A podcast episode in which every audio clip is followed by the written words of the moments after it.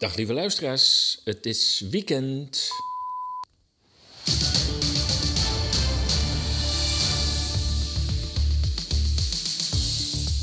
Ja, inderdaad, het is weer weekend en tijd voor Radio Moddergat, de vrije podcastradio van ezas.nl. Twee wekelijks 60 minuten lang berichten over bizarre tijden. Mijn naam is Paul de Bruin en we noteren 14 maart, wat 18 maart 2022.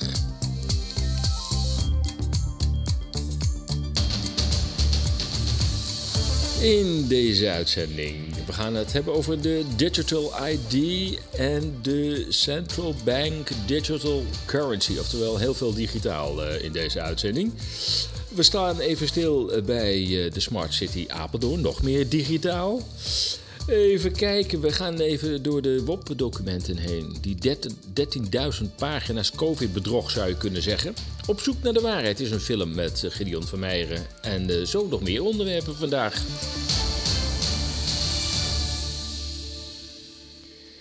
Ja, de Central Bank Digital Currency, als ook um, de Digital ID. Het komt er allemaal aan. We hadden het ook al aan zien kunnen komen, of kunnen zien komen, omdat het natuurlijk al heel lang in de lucht hangt.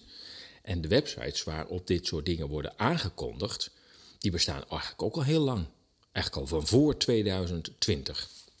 Dus je hoeft geen wappie te zijn om uh, dit al begin 2020 te kunnen hebben uh, voorspeld. De vraag is alleen of het gaat lukken om dit ons door de strot te drukken.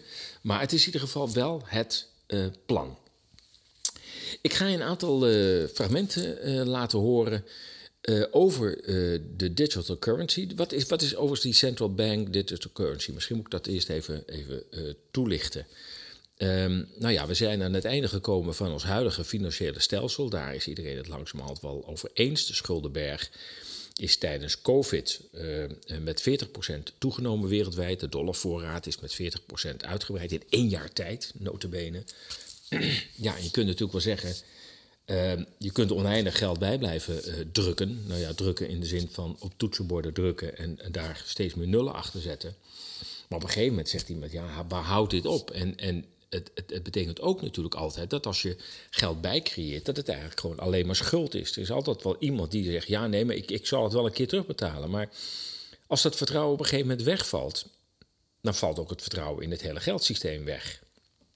Nou, dat is wat heel veel mensen voorspellen. Die zeggen: ja, dat besef is er eigenlijk al sinds 2009 met uh, uh, de val van de Lehman Brothers. Dat werd, toen werd eigenlijk al duidelijk van ja, dit kan zo niet langer. En dat lijkt erop alsof heel veel plannen, of het nou gaat over dat hele COVID-verhaal, of over uh, de Fourth Industrial Revolution, of uh, de digital currency.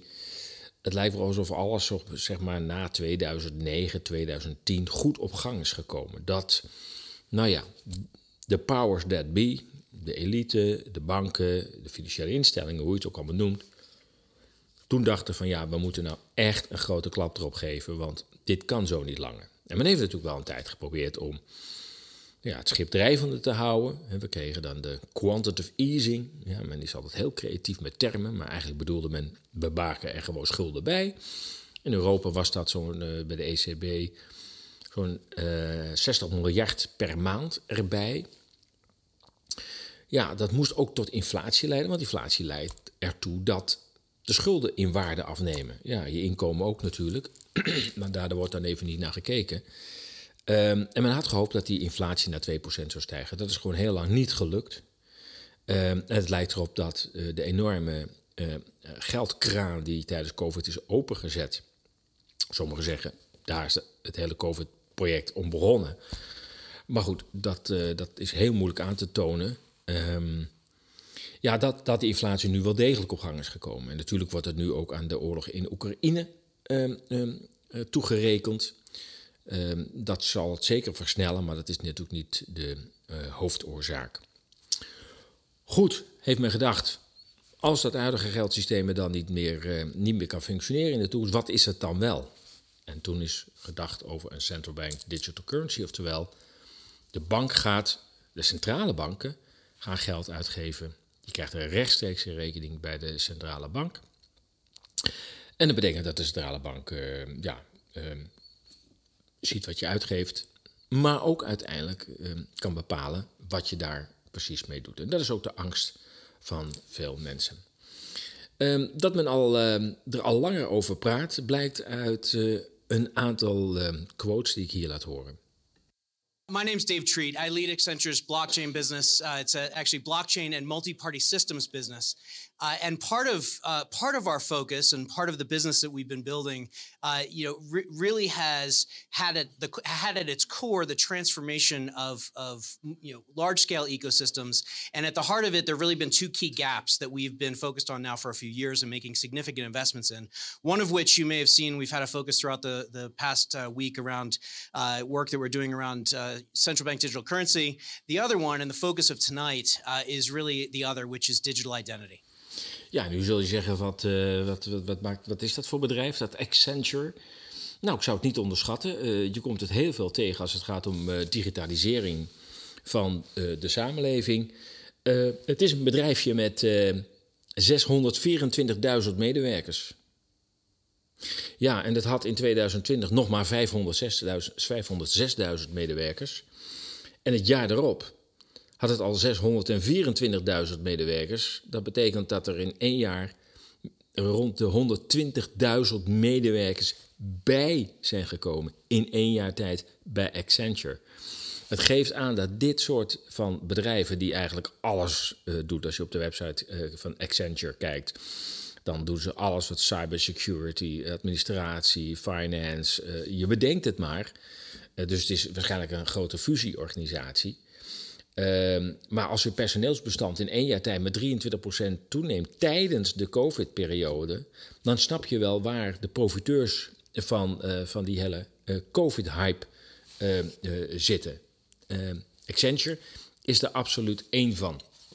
Nou, hij gaf al duidelijk aan, we zijn bezig met twee dingen, de central bank digital currency, maar ook met de digital ID. En die twee zaken die grijpen in elkaar. We komen later nog, uh, ik kom later nog even op uh, Accenture terug. Ja, en als je denkt dat, dat, dat, dat het, het gepusht wordt, dat idee, uh, dat er reclames voor zijn en dat, dat, dat er gewoon al commercieel wordt uh, druk uitgeoefend om tot die digitalisering te komen, dan heb je daar volkomen gelijk in. Hello everyone, meet Lucy, student in psychology. And me, her digital ID wallet issued by the government to offer a wide range of identity services. In fact, I'm a handy way of proving and protecting her identity both online and face to face. Let's have a closer look at what I can do. I can help governments to better communicate with citizens. Right now, I'm reminding Lucy of the appointment she needs to schedule for her mandatory vaccination. Nou, is dat niet handig, hè? Ja, ja, en, en, en hoe zat het ook weer met Canada? Waar Canada niet een van de speerpuntlanden om dit hele systeem er doorheen te jassen? Uh, om met onze young global leader die daar aan de macht is en zijn halve kabinet ook uh, in Davos is, uh, is opgeleid door meneer Schwab. Jawel, Canada is er ook helemaal klaar voor. Canada's banks are perfectly situated to help lead the creation of a federated digital ID system between government and the private sector. The World Economic Forum agrees that banks and financial institutions should lead the path forward for digital ID. Banks are highly regulated and trusted ja, ja, bank zijn, uh, vertrouw, wordt erg vertrouwd volgens hem. And they have the infrastructure to operate provincially and nationally.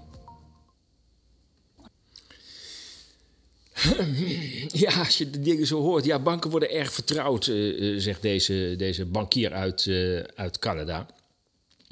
En daarom wordt de, de, de, de hele digital ID bij de banken neergelegd, omdat die zo vertrouwd worden je, je, je snapt zeker wel dat, dat, dat deze mensen uh, gewoon in, in hun eigen bubbel leven. Maar laten we ook eerlijk zijn, als je, als je bij, uh, bij Accenture werkt en um, je hebt daar uh, ehm,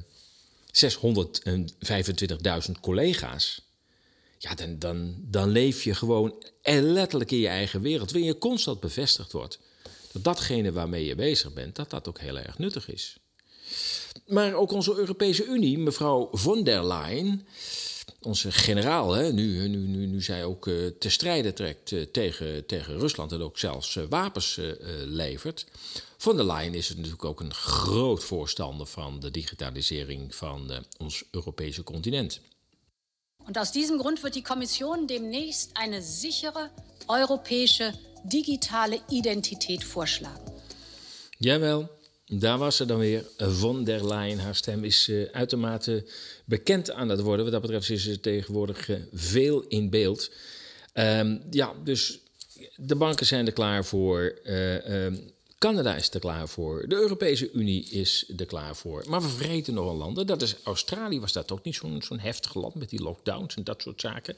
Zijn die eigenlijk klaar voor de race naar de digital identity en de central bank digital currency? With Digital ID, Australia Post offers a secure and convenient way to prove your identity. Verify your way and save time with Digital ID. Free to download from the App Store and Google Play Store. Ja, je bent natuurlijk wel malle appie als je dit niet downloadt. Hè. Het, is, het, is, het is gratis. Nou, dat is sowieso al een puntje. En uh, je spaart de tijd mee en, en, en je kunt je overal identificeren. Dat is echt, echt fantastisch. Je hoeft niet gewoon je naam te zeggen. Het wordt allemaal ingescand, gecheckt, getraced. Nou, ik moet je zeggen, meer comfort kan de overheid je toch echt niet bieden. Kortom, die central bank digital currency in combinatie met de digital ID, want die dingen zijn wel aan elkaar gekoppeld, die, uh, die komt er echt wel aan. Daar hoeven we denk je toch echt niet meer over te twijfelen. Het, het, het, het biedt overheden een prachtige aan- en uitknop voor dissidente burgers. Want ja, als het bij de central bank ligt, dan ligt het eigenlijk ook bij de overheid. De overheid ligt toch al erg bij bedrijven en andere uh, semi-overheidsorganisaties uh, in, bed. Dat hebben we tijdens COVID wel gezien, hoe dat, hoe dat in één potje uh, roert. En die aan- en uitknop, die moet je ook wel letterlijk nemen. Want zo heeft Elon Musk onder druk gestaan, en misschien nu nog, om de Russische Tesla-rijders, althans hun auto, op afstand want die, die dingen die, uh, zijn constant op internet aangesloten. Om die dingen op afstand gewoon uit te zetten. Zo van knopje Russen uit. Boem. En dan sta je gewoon stil uh, op de ringweg uh, rond Moskou. Dat kan allemaal. Nou heeft Musk gezegd, nou daar uh, pijns ik gezegd niet over. Nee, dat kan ik me wel voorstellen. Want als, als mensen het gevoel krijgen, oeps, mijn auto kan zomaar worden afgezet dan, uh, uitgezet en ik kan geen kant meer op. Nou, dat, uh, dan moet ik geen Tesla uh, hebben. En toch, en toch, en toch.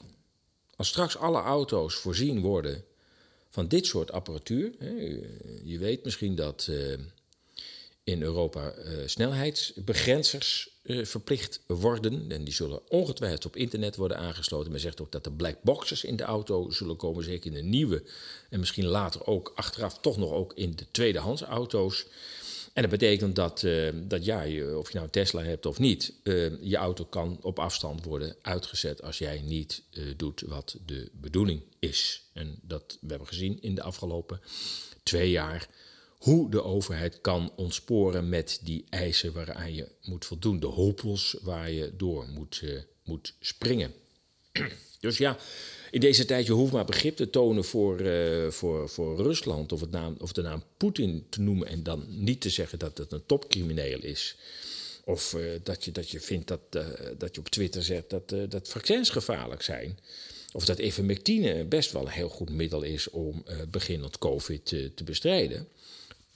Dan wordt de knop ingedrukt en dan staat je autootje stil. Of je kunt niet meer bij je geld of de maximale opname uh, deze week is nog maar 50 euro voor u. Het geld is dus programmeerbaar. En dat lijkt een complottheorie. Maar we weten inmiddels met complottheorieën. De meeste zijn gewoon voorspellingen gebleken. En vrijwel allemaal zijn ze uitgekomen. Als je me niet gelooft, laat ik even meneer uh, Karsten aan het woord. Dat is een meneer die uh, net in breedbeeld uh, uh, past. Hij is general manager bij de BISbank in Basel. Dan zeg je ja, BISbank, weer zo'n onbekende naam. Het is de Bank of International Settlements. En het was de bedoeling dat de bank in de dertiger jaren de, de, de, schuldbetalingen ging regelen van Duitsland na de Eerste Wereldoorlog. Nou, uiteindelijk vloeide het geld niet meer van Duitsland naar de schuldeisers, maar van een aantal rijke landen naar Duitsland. Omdat Duitsland uiteindelijk dan toch tegen het bolsjewisme moest optreden. De Russische revolutie de kop in moest drukken. Dus dan vloeide het geld weer de andere kant op, ook via de Bisbank. Enfin, die BISbank is dus vereniging van 60 centrale banken in de wereld. Is niet zomaar een bankje, eerlijk gezegd. Nou, die meneer uh, Karstens, die, die is gewoon heel duidelijk over programmeerbaar geld. Our analysis on CBDC, in particular for the use of general to the general use, we tend to establish the equivalence with cash, and there is a huge difference there. Uh, for example, in cash, uh, we don't know, for example, who's using a $100 bill today. We don't know who is using a 1,000 peso bill today. Uh, a key difference in, with the CBDC is that central bank will have absolute control on the rules and regulations that will determine the use of that uh, expression of central bank liability and also, we will have the technology to enforce that. Those, are, those two issues are extremely important, and that makes a huge difference with respect to what, to what cash is. Uh, our analysis... Ja, maar uh, meneer Karstens, de kern is, uh, is duidelijk. Uh, hij heeft een heel mooi uh, alternatief voor cash, zegt hij. En dat is, je raadt het al, Central Bank Digital Currency. En hij zegt, ja, het nadeel van contant geld is... we weten niet waar mensen hun 100 euro uh, vandaag aan hebben uitgegeven. En, of, of, of 1000 euro. Ja dat, uh, ja, dat willen we toch wel weten. Ja, en bovendien, uh, ja, ja, het is, we kunnen het ook gewoon afdwingen. Dat kan nu met Central Bank Digital Currency. Dus die meneer Kastens is er heel erg duidelijk over. Ik ben overigens wel benieuwd in welke mate dit vorm gaat krijgen. Mensen moeten wel bereid zijn om het te gebruiken. Hè? Tenzij je een knuppel in je nek krijgt. Maar dat, dat, dat is nog wel een dingetje. We hebben gezien bij vaccinaties dat uh, ja, niet iedereen heeft zich laten inenten. Laat ik het zo maar even zeggen. Ik kom later wel even terug. Uh, in Eddie's gaat in, uh, in Engeland schijnt aanzienlijk lager te zijn dan de officiële cijfers. Dus nou, daar heb je al zo'n dingetje. Um, maar daarnaast is het volgens mij ook nog zo van hoe gaat die machten nou spelen? Ik bedoel, je hebt de Central Bank van Europa, de ECB. Je hebt de Fed, wat eigenlijk een particuliere organisatie is van een aantal rijke kapitaalverstrekkers, waaronder een aantal rijke families.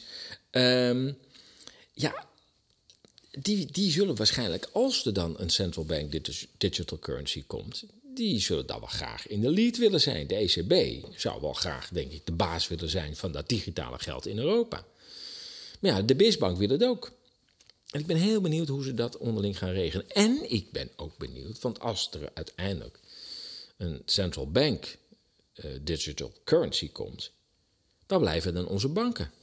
De ABN, AMRO, de, Rabo, de Triodos, uh, waar, waar, blijven die dan? Hebben die dan helemaal geen, geen, geen bestaansrecht meer? En gaan die, gaan die daar gewoon in mee? Ik weet het niet. Er is nog een enorm krachtenveld rondom uh, dit thema. Van ik denk, nou, volgens mij uh, zei ze er nog niet. Maar goed, dat programmeerbare geld is wel een dingetje. Het is wel echt waar, ja, waar je nachtmerries van kunt hebben. Want in China wordt er ook al geoefend met dit fenomeen.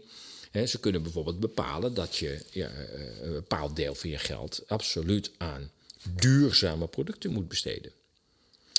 Hè? Dus als jij uh, met je pinpasje of je smartphone naar de automatiek loopt en denkt een kroket te trekken en zo te be betalen met je CBDC, dan zegt, uh, dan zegt waarschijnlijk je app: oh, oh, oh, oh, dit is al je derde kroket deze week.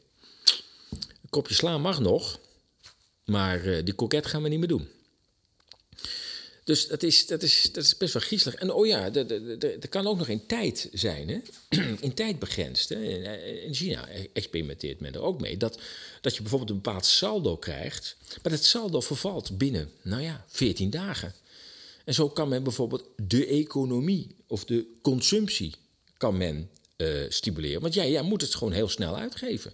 En als men dan ook nog een tag aan die uitgave koppelt, dan moet het ook nog binnen twee weken aan de kropje sla zijn uitgegeven. of aan iets anders duurzaams, groens of wat dan ook.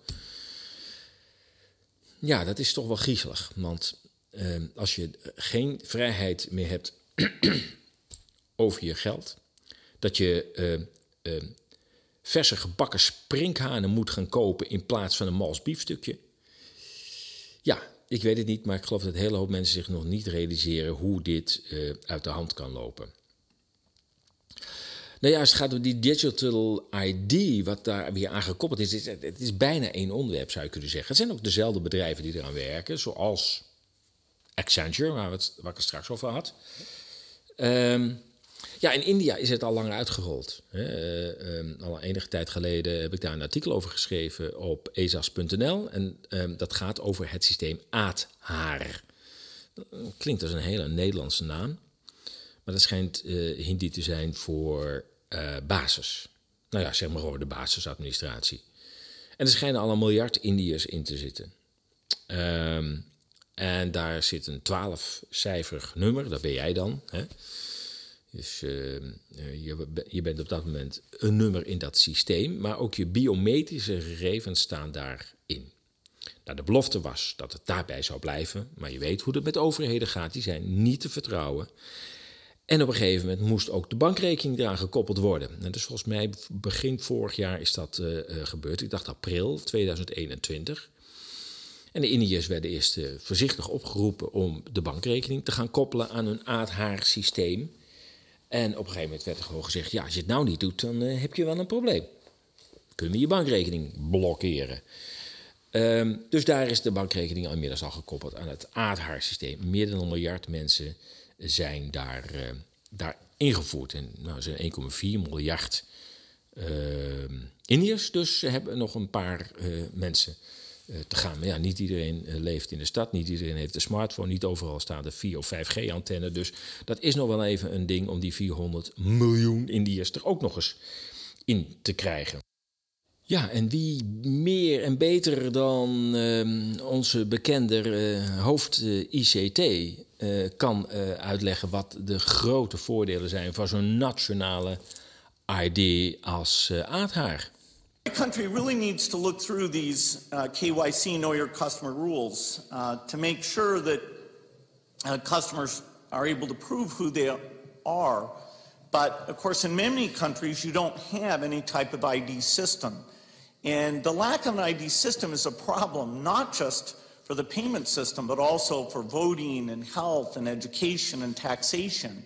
And so it's a wonderful thing to go in and create a broad identification system. Wonderful. Again, India is a very uh, interesting example of this, where the Aadhaar system, which is a 12-digit identifier that's correlated to biometric measures, uh, is becoming pervasive throughout the country and will be the foundation uh, for how we bring this uh, low-cost switch to every mobile phone user in India. Uh, the same type of thing is happening now in, in Pakistan. Uh, and there's early beginnings of creating these ID programs in Africa as well. Uh, we expect to be able to use the ID so that when you show up for any government service, say you, you walk into a primary health clinic, uh, we'll be able to take that bio-ID very quickly. Even een willekeurig voorbeeld hè, voor als je in de ziekenhuis loopt. Ja. Even if you've moved from one part of the country to the other, you will be well tracked and well served uh, without nearly as much paperwork or, paperwork or uh, waiting. And so. Ja, ja, ja. Well, well tracked en well served is. Nou ja. Wie wil nou niet de hele dag getracked en getraced worden en uh, well served? Nou, dat wil dus iedereen. En Bill Gates, ja, de uitdrukkingen, dus een, zijn gezichtsuitdrukkingen kun je er waarschijnlijk wel bij verzinnen. Hij staat er als een, een enthousiaste jongen die, die zegt van... nou, ik heb toch iets uitgevonden, dat moet je echt weten. Dit is zo fantastisch. Zo staat hij daar ook het aardhaarverhaal aan te prijzen. Dat in 2010 al van start is gegaan. 2010. En uh, dit vertelde hij in, uh, in 2015. En je moet misschien eens kijken naar uh, de website id2020.org. id2020.org.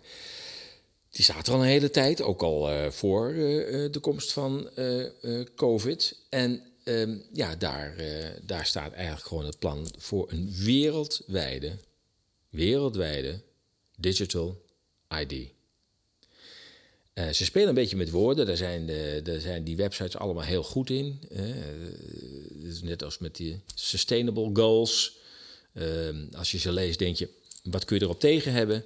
Totdat je gaat afvragen, en hoe gaan ze het realiseren? Dan, dan schrik je je rot en denk je, oh wacht even, maar dat is, dat is toch niet helemaal in mijn belang. En hetzelfde geldt ook voor uh, ID 2020. Er staat bijvoorbeeld, we need to get it right. En als je dat verder leest, dan bedoelen ze ermee... Uh, het moet ieders recht zijn. Ja, ja, luister goed. Het wordt ieders recht om in een digitaal systeem te komen. En het zinnetje leave no one behind zul je heel vaak horen in de context van de central bank digital currency, uh, de digital ID. Allemaal mooie Nederlandse woorden overigens, maar goed. Um, en de vaccinaties. Leave no one behind. Het zat al in de video van de Europese Unie in 2015, waarin het vaccinatieprogramma dat wij eh, de afgelopen twee jaar hier hebben ondergaan, uh, gewoon helemaal werd uitgestippeld. En ook daar stond in leave no one behind. En met uh, digitale systemen zullen we traceren wie zich niet hebben laten inenten. We spreken over de Europese Unie 2015. Er staat, uh, even, het, staat, het, is, een van de artikelen op de website van ESAS.nl. Moet even wat terug zoeken, maar dan, dan kun je het zeker vinden. Ja, en zoals ik al zei, um, wie, wie zit er nou achter ID 2020? Er staan drie bedrijven als oprichters van ID 2020. Nou, daar heb je hem. Microsoft. Gavi. Ja, Gavi, je weet, dat is ook een initiatief van Bill Gates. En daar heeft hij ook uh, flink wat geld in zitten. Dat is de ja, de spuitenfabriek noem ik het maar. Daar worden de vaccins geproduceerd. Uh, althans, het is een vereniging die dat stimuleert, laat ik het zo uh, zeggen. De, de Global uh, Alliance is dat. En als derde partij staat daar weer, jawel, Accenture. Daar heb je hem weer. En de bedoeling is, ik zal het even voorlezen, de Peggy Johnson, dat is de Executive Vice President Business Development Microsoft Corporation, die zegt op de website Closing uh, the identity, identity cap is an enormous challenge. It will take the word, uh, work of many committed people and organizations coming together across different geographies, sectors, and technologies. But it's exciting to imagine a world where safe and secure digital identities, identities are possible, providing everyone with an essential building block to every right and opportunity they deserve. Iedereen verdient een digitale ID. Dat is Becky Johnson.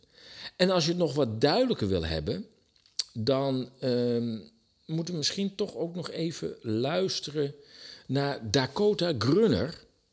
Die medio 2019, het jaar waarin heel veel is voorbereid voor het jaar daarop, in een TEDx-presentatie in Marrakesh nog duidelijker uitlegt wat die digital ID precies moet inhouden. En uh, ja, hoe weinig uh, vrijwillig dit zal zijn. Now, the ability to prove who you are with certainty and in a manner that's recognized and trusted by institutions and by governments is a fundamental prerequisite to accessing even the most basic services. If you can't prove who you are, you have limited access to healthcare, to education, to other social programs. Your ability to move across borders, to vote, to enroll in school, uh, to access a bank account is limited or non existent. What's more, women and children are at a greater risk of being victims of human trafficking. So, whatever is your most urgent concern, refugees, economic inequality, human trafficking, financial inclusion, universal health care, global education. Er zijn de woorden weer vluchteling, inclusiviteit. Je hoort ze er elke keer weer doorheen. The UN estimates that 17, 10 of the 17 Sustainable Development Goals cannot be ah, met without first closing the identity gap. Even more fundamentally, identity is a human right.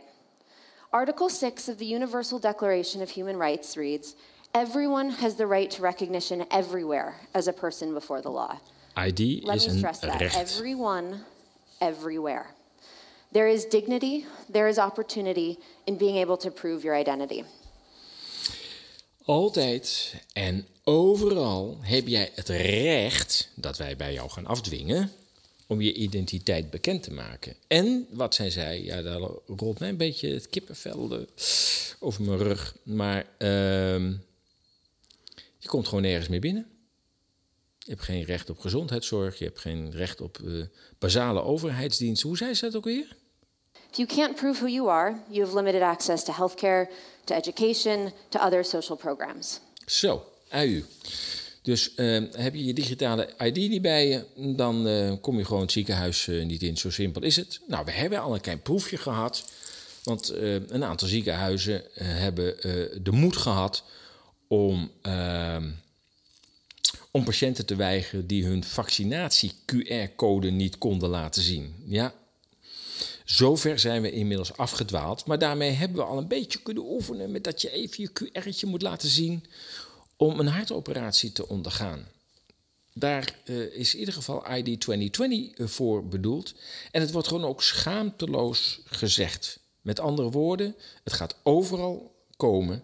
Het gaat voor iedereen gelden. Leave no one behind.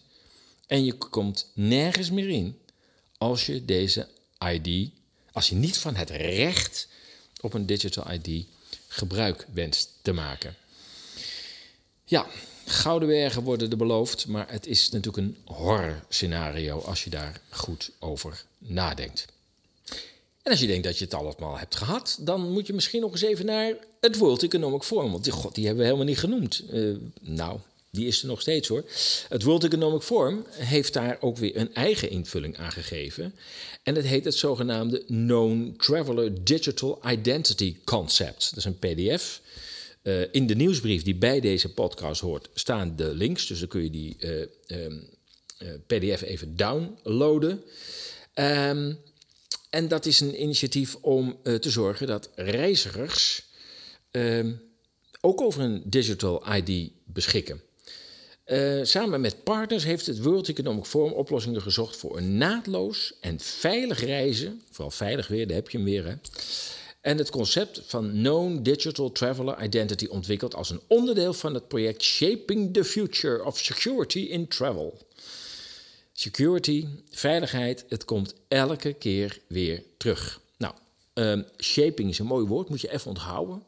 Want het World Economic Forum heeft niet alleen het Young Global Leaders programma, maar het heet nu het Shapers Program of iets dergelijks. In ieder geval het woord Shapers zit erin. Met, met andere woorden, er worden geen leiders meer uh, opgeleid, maar er worden Shapers opgeleid. Dat zijn mensen die een laagje daaronder zitten in het ambtenarenapparaat en die, zeg maar, de leiders die zijn opgeleid, uh, daarvan de slipper moeten, slippers moeten gaan dragen en zorgen dat het beleid ook wordt uitgevoerd. Dat zijn Shapers. Nou, je hebt het woord Shaping the Future of Security in travel. En door het toepassen van design-denkstrategieën volgens de website en het centraal stellen van de reiziger, of de PDF moet ik zeggen, en het centraal stellen van de reiziger hebben de constituenten, ja, het kan ook niet zo dat zo heet, uh, de reis van de reiziger in kaart gebracht en belangrijkste pijnpunten voor de reiziger, overheidsinstanties en bedrijven geïdentificeerd tijdens hun interactie met elkaar tijdens het reisproces.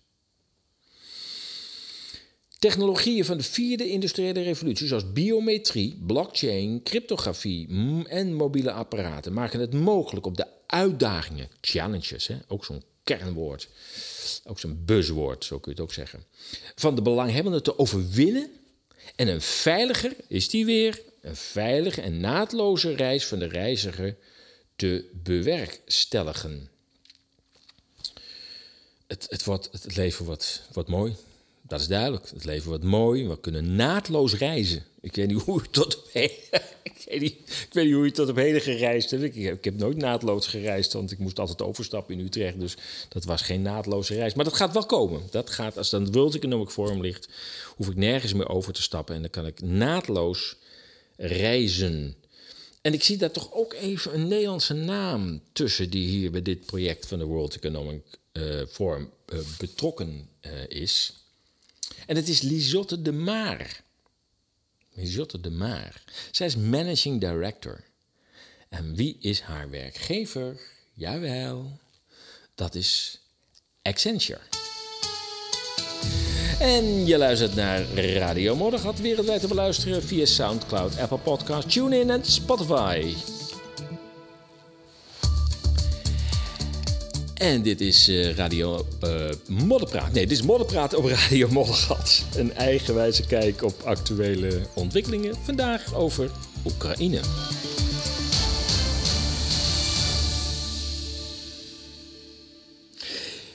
Ja, ik heb er een, uh, ik heb er een artikel aan gewijd aan ja, hoe ik een beetje aankijk tegen de huidige situatie rondom Oekraïne. Um, en dat heet Het Verontwaardigingstheater over Oekraïne. Dat is een, uh, een recent uh, artikel. Ik zal het eens even opzoeken. Dan zijn we even van die digital ID uh, af. Um, ja, we hebben gemerkt dat. ik heb zelf niet gekeken overigens, maar er is 106 miljoen geld opgehaald. Ik vind het een, bizar bedrag overigens. Ik, ik, weet niet, heeft de staat daar 100 miljoen bijgelegd? Ik weet het niet, maar 106 miljoen zou zijn opgehaald voor Oekraïne. Um, ja, ik denk dat het voor heel veel mensen een goed gevoel geeft om, uh, om nu hun betrokkenheid bij Oekraïne en de Oekraïnse bevolking uh, inhoud te geven.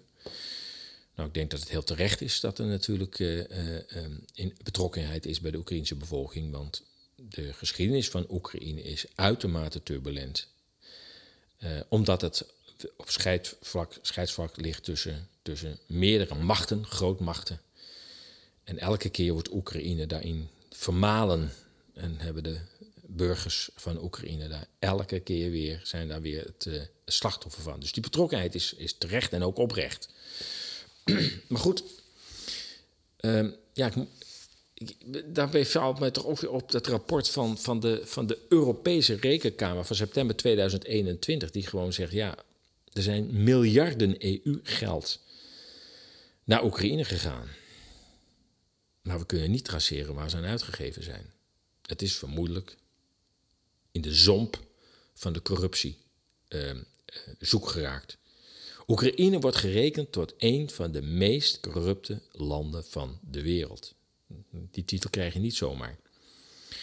Um, dus dat is wel iets waar je rekening mee moet houden als je, als je een tientje of 100 euro overmaakt. De vraag is of dat op de goede plek komt. Het land functioneert niet volledig als een goed geoliede democratie. Dat kun je langzamerhand van Nederland ook zeggen, maar dat, dat is daar nog wel een gaatje, gaatje erger. Maar het ergste vind ik nog dat, dat enorme verontwaardigingstheater wat wordt opgevoerd rondom Oekraïne.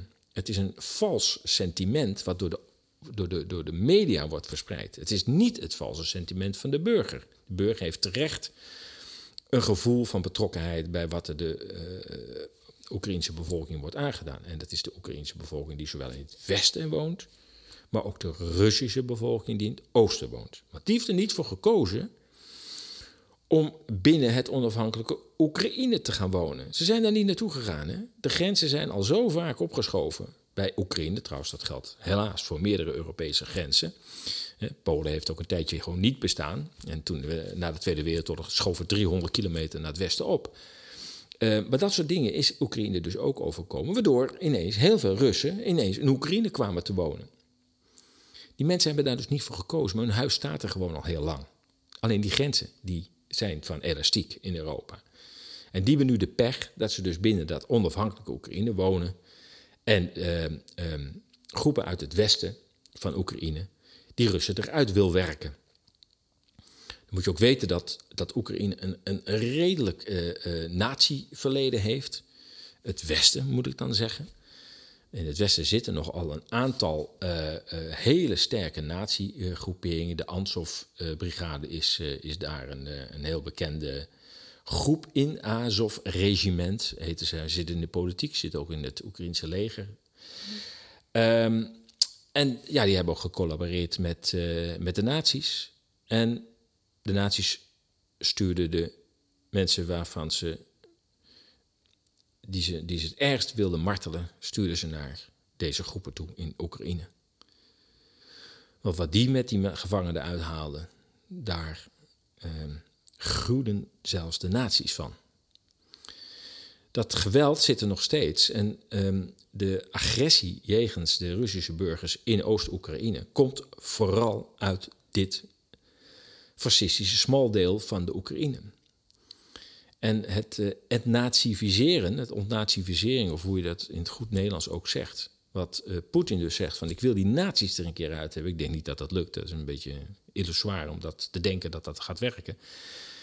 Zeker niet met militaire middelen. Um, maar ik, ja, ik kan me dat wel voorstellen. Dat, dat zo'n enorme sterke natiefractie in, in Oekraïne. die altijd op het bloed van uh, communisten. tussen aanhalingstekens uit is. Ja, dat dat redelijk onverdraagzaam is. En dat is ook onderdeel weer van de hele Maidan-koep in 2014 waar uh, de nazi-partij ook een behoorlijke rol in heeft gespeeld in het uh, opzetten van het geweld. Uh, de Amerikanen hebben daar een behoorlijk wat geld in gestoken om die regime change te doen slagen. Victoria Nuland, fuck the EU, die, die mevrouw, hè, die mevrouw. Die heeft daar ook een, eh, een belangrijke rol in gespeeld. Uh, George Soros, de naam uh, valt. We hebben nog een paar Europarlementariërs gehad die zich daar hebben gemeld. Biden heeft zich toen nog als vicepresident daar met zijn vuist omhoog gestaan van... wij steunen jullie vrijheid, maar hij bedoelde... wij steunen het feit dat hier een leider komt die ons naar de mond praat en niet Rusland naar de mond praat het ging allemaal onder het mond van corruptiebestrijding, maar degene die ging, Janukovic, was een meer Rusland georiënteerde persoon. Viel overigens nog wel mee, want hij wilde een beetje met beide blokken vriendjes blijven. Uh, maar die was corrupt en zijn opvolger, de chocoladefabrikant Poroshenko, was minstens zo corrupt, maar dat, dat, was allemaal niet zo van belang. Ja, en nu hebben we, nu we weer een eh, president, Zelensky. Ik, uh, ik zag nog filmpjes voorbij komen waarbij hij in een soort uh, strak pakje en, en naaldhakken een danser stond op te voeren. Hij schijnt een acteur te zijn. Nou, dat komt altijd van pas als je, als je president bent. Ehm, en het schijnt dat, dat Zelensky ook in de Panama Papers voorkomt. Nou, ik weet niet of u nog weet wat de Panama Papers zijn, maar dat is een groot onderzoek van heel veel internationale journalisten naar corruptie op wereldniveau. En daar schijnt ook deze meneer Zelensky in voor te komen. En ja, ik denk altijd van. Eh, oriënteer je nou even voordat je je laat meeslepen in dat, in dat verontwaardigingstheater rondom Oekraïne. Nogmaals, het is terecht dat je betrokken voelt bij de Oekraïense bevolking. Die leidt er weer onder.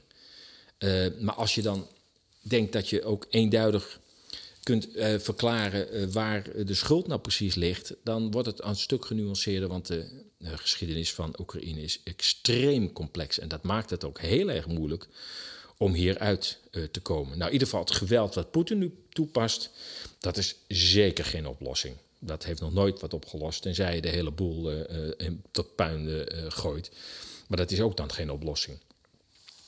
Uh, wat altijd uh, aan Rusland wordt toegeschreven en dan altijd weer aan, aan, aan Poetin zelf, is uh, de, de veronderstelde ambitie om eh, het groot Russische Rijk te herstellen.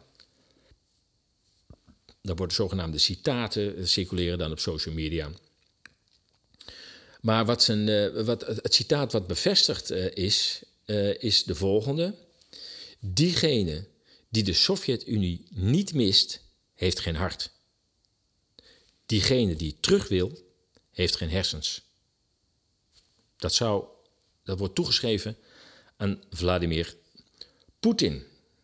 Nou, we zijn inmiddels uh, onderdeel van de massale nieuwe cancelcultuur. Tijdens COVID werd alles gecanceld wat maar tegen het narratief ingaat. En we zijn zo van COVID-19 naar Poetin 22 overgestapt. En het cancelen gaat maar door. Het, de, de, de, de censuur is, is inmiddels ver boven dat van de DDR eh, gestegen. Wij, wij zijn de DDR inmiddels echt uh, voorbij. We gaan even naar Apeldoorn, naar wat genoemd wordt de witte kastjes. Het zijn multipoints, heb ik me laten vertellen. Maar goed, in de volksmond zijn dat de witte kastjes. Uh, ESAS is daar ook mee bezig geweest. Uh, heeft een WOP-verzoek ingediend bij de gemeente Apeldoorn... Om het contract boven tafel te krijgen tussen het bedrijf dat het aanlegt... het Oostenrijkse Liechtensteinse bedrijf Radiolet, of Radiolet... En, uh, en de gemeente Apeldoorn. Nou, dat, die overeenkomst die, die hebben we ontvangen. Um, en de gemeente Apeldoorn voelde ook wel dat... dat al die geruchten en, en het gebrek aan informatie over, uh, over die witte kastjes, dat, dat, dat, dat begon toch wel te irriteren en dat begon zich tegen het project te keren. Want dat is de gekke situatie. Uh, dat um, Radiolet zegt van ja, maar de, de, de burgers zijn, zijn onze klanten niet, dus ja, wij gaan ze niet informeren. En de gemeente zegt ja, maar wij weten niet wat je in die kastjes stopt en het is niet onze taak om ze te informeren, het is jullie systeem. Kortom, niemand informeerde. Voor, uh, afgelopen week, nee, vorige week, heeft de gemeente Apeldoorn besloten om een uh, online sessie te houden, een live online sessie te houden, met een chatfunctie erbij, om een aantal mensen uh, aan het woord te laten. Natuurlijk Radiolet, de wethouder, maar ook een aantal um, mensen van overheidsinstanties, zoals het antennebureau, om commentaar te geven op, op wat zich nu in Apeldoorn voltrekt. Ik moet zeggen, Uh, het was een zeer professionele uh, livestream. Het was van een doorsnee televisieuitzending. Qua kwaliteit heb ik het dan over. Uh, niet te onderscheiden. Dus daar verdient Apeldoorn zeker een compliment uh, voor. Ehm, maar toch, volgens nog is er weinig extra informatie uitgekomen. We laten er even iets, een paar stukjes van horen. Aan het woord is Gregory Engelbrecht. En hij stelde zich voor als sales manager van het uh, Oostenrijkse uh, bedrijf. En dit is wat hij over het bedrijf te vertellen heeft. Radiolet is een uh, bedrijf die is ja, in 2014 ontstaan in, in Oostenrijk. Die heeft een speciale technologie ontwikkeld. die, ja, die anders werkt dan zeg maar de traditionele telecom. Um, en die veel gebaseerd is op software.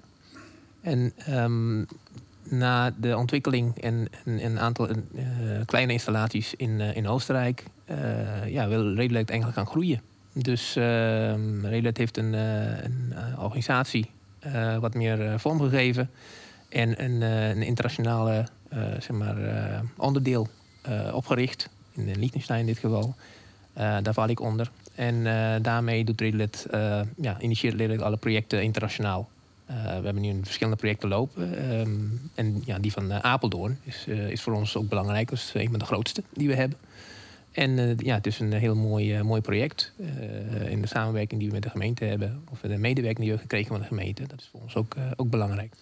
Ja, hij noemt wel, we hebben nog meer projecten. Toch heb ik gevraagd aan deze meneer Engelbrecht van, ja, noem dan eens die projecten. En daar kreeg ik als antwoord, uh, nogmaals, de, de, het artikel hierover staat op de website van esas.nl. Ja, uh, ja die, projecten zijn zo verschillend, dat heeft geen zin om, uh, om dat als, als, als referentieproject op te geven. Nou, dat is toch natuurlijk best wel een beetje vreemd, want dat, dat betekent twee dingen. Of die, of die referentieprojecten zijn er gewoon niet. Of het project in Apeldoorn is gewoon helemaal nieuw voor Radiolet. Met andere woorden, ze hebben er nog geen ervaring mee. Het is of het een of het ander. Of je hebt het al een keer gedaan en dan kun je het laten zien. Of je hebt het nog nooit gedaan en is dit volkomen nieuw.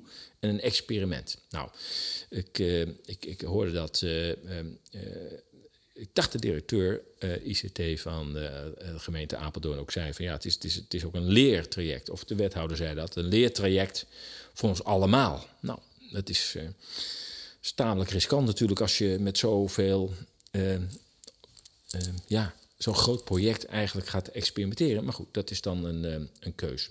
Belangrijk is ook om te weten, hoe komt nou zo'n zo'n bedrijf, er werken volgens mij zes man, en op LinkedIn kan ik niet meer vinden dan zes man, en dat verspreid over verschillende landen. Ehm, hoe komt zo'n bedrijf nou bij Apeldoorn? Of hoe komt Apeldoorn bij dit bedrijf? Nou, um, ja, het is, het is ja, zou zeggen, het is toeval. Um, uh, wij hebben natuurlijk uh, met verschillende uh, medewerkers van Regiolet die dan contacten hebben. En we hebben met een aantal gemeentes gesproken. En op een gegeven moment dan kom je elkaar tegen op een congres of in gesprekken. en bij gemeentes, ja, de ene gemeente die is wat vooruitstrevender, die heeft wat meer interesse. De andere die heeft wat afwachtend of die moet nog dingen uitzoeken. En bij Apeldoorn vonden we een gemeente die daar ja, ook een meer visie heeft en die wil wat, wat, wat doen voor de gemeente. En zodoende hebben we eigenlijk afgesproken dat de Apeldoorn, of Apeldoorn heeft dan um, geen akkoord met het, beschikbaar stellen van de infrastructuur, zoals is uitgelegd, Michiel. En, en wij hebben ingestemd om dan het netwerk hier te gaan, gaan bouwen. Ja. Het probleem is dus die communicatie met, met de bewoners, waarvan Radiolet zegt, ja, dat is niet helemaal ons ding. En de gemeente zegt, ja, maar wij weten er eigenlijk ook niet zoveel van, dus wij kunnen die communicatie ook niet voor onze rekening nemen. Daarover zegt de sales manager van um, Radiolet het volgende. Um, en ook ja, wat Wim zei, uh, ja, communicatie is men denk ik anders gewend uh, in, in, in Nederland, of in het algemeen ook. En dat heeft vooral te maken met het soort bedrijven, denk ik, die dan communicatienetwerken bouwen. En in, in die zin is Redlet ook anders. Um, wij zijn, Redlet is geen telecombedrijf, dus het levert geen diensten aan de, de particulieren, dus de, de, de consument. en daardoor is de communicatie ook anders. Uh, dus dat hebben we ja, hier zeg maar, uh, iets meer we zeggen, interesse van gemerkt. dus we hebben ook afgesproken met de gemeente dat we het ook iets anders gaan doen.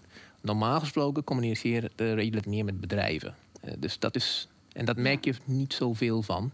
en omdat de manier waarop ehm, het netwerk wordt geïnstalleerd eigenlijk geen storing geeft eh, het is anders dan bijvoorbeeld als je glasvezel bouwt of een, eh, een hoge toren neerzet. Dan moet je iets verbouwen, dan moet je een, iets afschermen, dan moet je graven. Dan, gaat, uh, dan komt verstoring in, in, de weg, de loop. je maakt dingen open, mensen moeten hebben ongemak. En in ons geval merk je het bijna niet.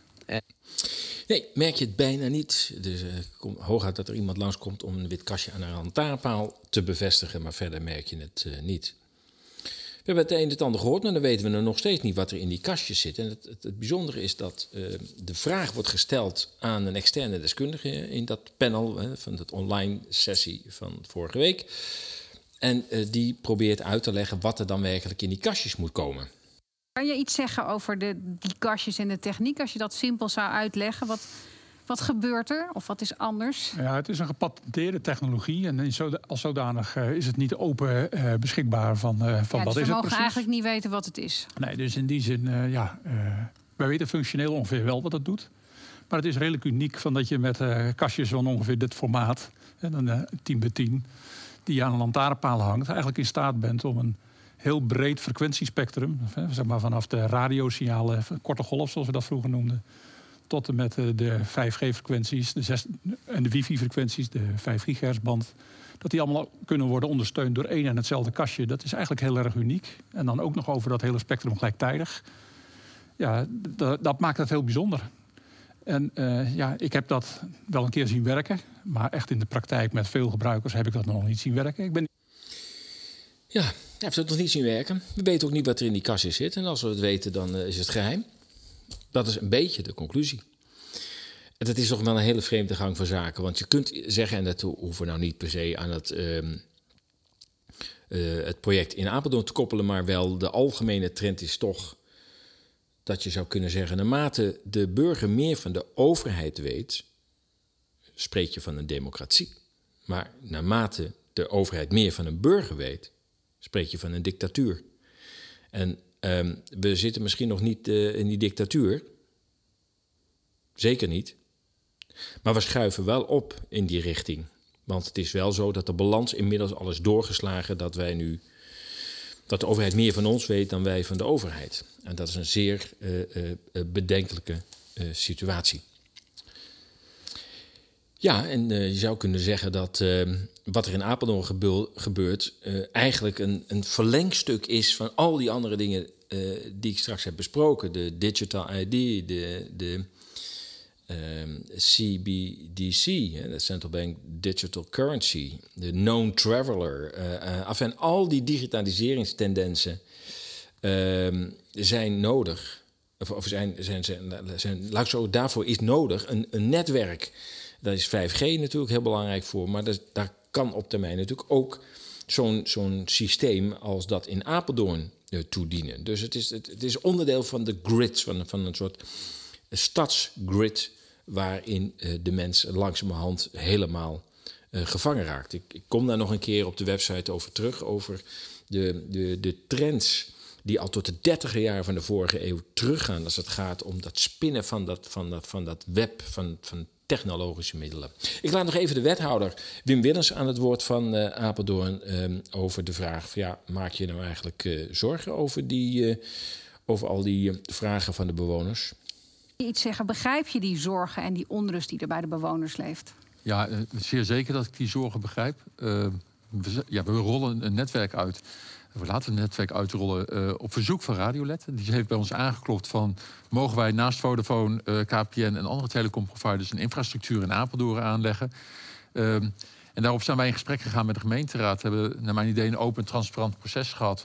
En uiteindelijk ook toestemming gehad van de gemeenteraad... van ja, uh, wij staan ons lantaarnpalen toe om dit netwerk te faciliteren. Maar dat er dan zorgen komen, begrijp ik ook. Want we hebben daar ongeveer twee jaar geleden over gesproken met z'n allen. Ja, nu twee jaar later popt dat in één keer op. Nodige vertraging alom, maar dat kan Radiolet zelf toelichten waarom dat is. En daarover is dat, ja, dan krijg je wel in één keer even de verrassing van... hé, hey, wat gebeurt er nu in mijn stad? Um, dus ja, terugkijkend uh, tussen twee jaar geleden en nu... Uh, is er natuurlijk even weinig gebeurd en is het in één keer zichtbaar geworden. En dan snap ik de zorg helemaal als het echt bijna voor je deur komt... en dat dan ook de reacties komen. Nou, we hebben daar ook naar aanleiding van de petitie uh, op willen acteren... En zo snel als mogelijk deze avond willen beleggen om eigenlijk al die vragen die je leven vanavond te kunnen beantwoorden. Uh, ja, dus ik begrijp de zorg meer dan. Uh, en ja, ik hoop ook dat we zorgen die er zijn kunnen beantwoorden, vragen die er zijn kunnen beantwoorden. en maar één ding wel, de informatievoorziening in die tussentijd had zeer zeker beter gekund. We gaan nu al twee jaar lang gebukt onder zeer ingrijpende maatregelen die onze vrijheid drastisch beperken. We gaan van lockdown naar lockdown. Het zou allemaal noodzakelijk zijn om onze volksgezondheid te beschermen tegen een extreem gevaarlijk virus. Maar is dat eigenlijk wel zo? Is corona wel zo gevaarlijk als wordt beweerd? Zijn de maatregelen wel effectief? Is het massaal vaccineren van de hele bevolking wel verstandig of lopen we misschien ook risico's? En als de maatregelen niet bijdragen aan de volksgezondheid, waarom worden ze dan toch genomen? Of this pandemic, these staff. Our booster vaccine regimens work. Bijwerkingen zijn heel erg zeldzaam en de werking is gewoon heel erg goed. If you are unvaccinated, get vaccinated. Get vaccinated. Et désormais à notre portée, vacciner le monde. If you are not fully vaxxed, stay home. Nederland gaat nog een keer op slot. But you don't have a choice. People act like you have a choice.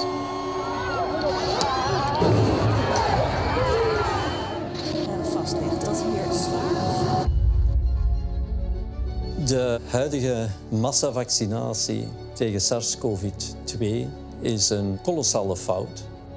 Til, als, als ik hier mijn mond over open zou doen, dan gaat mijn kop eraf. Dan kan ik mijn onderzoek wel vergeten, dan krijg ik geen grants meer en dan is het klaar met mij. Ik vind, ik vind dat ik voor mezelf, ik kan mezelf niet in de spiegel kijken als ik hier niet over naar buiten zou komen. Ik kan hier niet meer leven. Ja, je hoort een, een, hoort een lang fragment uit de documentaire um, Op zoek naar de waarheid. Uh, Gideon, komma, op zoek naar de waarheid. Het gaat, uh, Gideon van Meijeren staat daarin uh, centraal. En, ik heb de video nog niet, niet bekeken, alleen de eerste tien minuten. het gaat uiteraard over de afgelopen twee jaar. Over de zoektocht van Gideon naar naar de feiten. Um, Gideon van Meijeren wordt nogal belaagd, ook omdat hij lid is van de FVD. Um, en dat, uh, dat is zeer betreurenswaardig als je, als je ziet hoe correct hij uh, met feitelijke vragen komt, zijn zaken goed voorbereidt. Als geen ander op de inhoud zit en als je dan ziet wat de reacties van de andere Tweede Kamerleden zijn, dat is, ja, ik zou eens zeggen, is bijna schaamteloos uh, verontwaardigingstheater, wat er dan elke keer weer loskomt, terwijl hij gewoon inhoudelijke vragen stelt, goed onderbouwde vragen, uh, en er komt maar geen antwoord op. Ja, uh, gezien de tijd ja, ik had nog een heel belangrijk onderwerp. De WOP-documenten rond COVID. Hè, de afgelopen eh, twee jaar. Die komen steeds meer eh, naar buiten. Althans, ze zijn al naar buiten gekomen, maar ze worden steeds beter bestudeerd. En er komt dus ook steeds meer naar buiten van wat er eigenlijk allemaal in staat. Het is, eh, de rillingen lopen over je rug. Het is echt eh, eh, afschuwelijk als je ziet hoe de overheid de boel gemanipuleerd heeft, geframed heeft. Misschien ook wel gewoon belazerd heeft. Het is onvoorstelbaar. En eh, ja, ik kan me haast niet voorstellen dat dit geen staartje krijgt. En als dit geen staartje meer krijgt, dan net zo goed als eh, de uitkeringsfraude of toeslagenfraude. Althans, de vermeende fraude, want dat was juist het punt. Ehm, ja, dan weet ik het ook niet meer. Dan leven we, eh, we denk ik, echt wel in een eh, bananenrepubliek. Nou, dat leven sowieso. Want ik, lees nog even één ding voor. Ik zag een advertentie van het ministerie van VWS. U weet wel, dat is de, ons prikministerie. En die laat een foto zien van een jongen die wordt eh, geprikt. En daar staat de tekst bij. Heb je het Janssen-vaccin en een booster gehad? Het gaat voor jongeren? Dan kun je vanaf 16 maart een extra mRNA-prik krijgen. Hiermee kunnen problemen met inreizen in sommige landen worden opgelost. Voor de extra prik is geen medische noodzaak. Kijk op coronavaccinatie.nl slash boosterprik. Ja, je hoort het goed. Jongeren die sowieso al die hele prik niet nodig hebben. Die eerste twee ook niet nodig hadden. En die al helemaal die boosterprik niet nodig hadden. Die worden door het ministerie van Volksgezondheid opgeroepen om de booster te nemen om vrij te kunnen reizen. In sommige landen. En ze schrijven er nog bij, het is medisch niet noodzakelijk. In wat voor een idioot land zijn wij inmiddels terechtgekomen?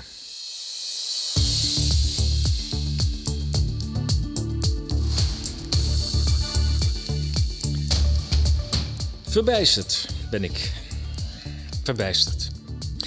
Het zit er weer op, Radio Moddergat, van de 18 maart alweer, 2022. Als je deze uitzending hebt gewaardeerd, bezoek dan onze donatiepagina op ezas.nl.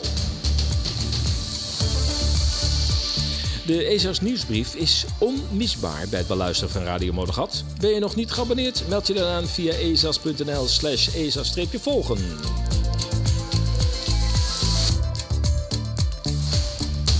Verder kun je ons ook volgen via Telegram. Hier vind je ons onder ESAS.nl en ook onder Rebel Base. Kijk op de website. Voor nu wens ik je een heel prettig weekend. Blijf gezond, blijf sterk en tot over twee weken. At the end, what, what the fourth industrial revolution will lead to is a fusion of our physical, our digital, and our biological identities.